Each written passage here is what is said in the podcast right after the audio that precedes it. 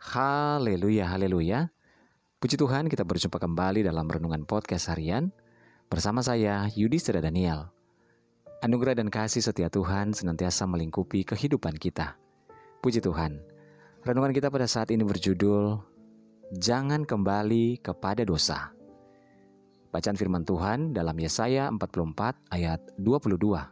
Firman Tuhan berkata, Aku telah menghapus segala dosa dan pemberontakanmu, seperti kabut diterbangkan angin, dan segala dosamu seperti awan yang tertiup. Kembalilah kepadaku, sebab aku telah menebus engkau. Saudara, semua orang pasti mengakui dengan jujur bahwa yang namanya dosa itu memang nikmat Itulah sebabnya banyak orang sulit sekali untuk bisa lepas dari dosa tersebut. Sekalipun tahu bahwa upah dosa adalah maut dan kematian kekal, tetapi banyak orang pura-pura tidak tahu, sehingga mereka tetap saja melakukan dosa. Anehnya, hal ini juga terjadi di kalangan orang percaya. Meskipun sadar bahwa Kristus telah menyelamatkan diri mereka dari dosa melalui pengorbanan Tuhan Yesus di atas kayu salib dan menjadikan mereka sebagai orang-orang yang telah dibenarkan.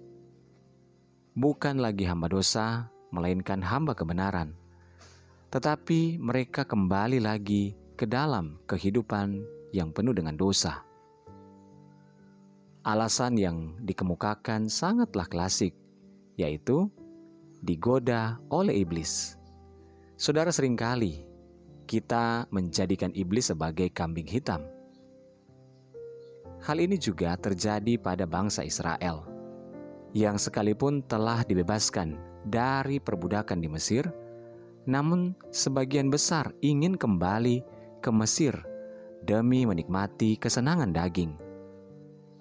Dikatakan kita teringat kepada ikan yang kita makan di Mesir dengan tidak bayar apa-apa kepada mentimun dan semangka, bawang peri, bawang merah, dan bawang putih. Tetapi sekarang kita kurus kering, tidak ada sesuatu apa pun kecuali mana ini saja yang kita lihat. Dalam bilangan 11 ayat 5 dan 6. Bangsa Israel suka menjadi budak daripada menjadi orang merdeka.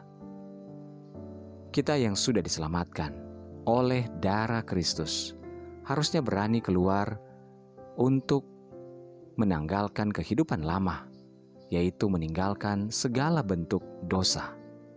Firman Tuhan menegaskan, "Kamulah bangsa yang terpilih, imamat yang rajani, bangsa yang kudus, umat kepunyaan Allah sendiri, supaya kamu memberitakan perbuatan-perbuatan besar dari Dia yang telah memanggil kamu keluar dari kegelapan kepada terang yang ajaib." Saudara, selama kita masih nyaman dengan dosa, bukan salah Tuhan bila doa-doa kita tidak beroleh jawaban. Sebab yang merupakan pemisah antara kamu dan Alamu ialah segala kejahatanmu dan yang membuat ia menyembunyikan diri terhadap kamu, sehingga ia tidak mendengar, ialah segala dosamu.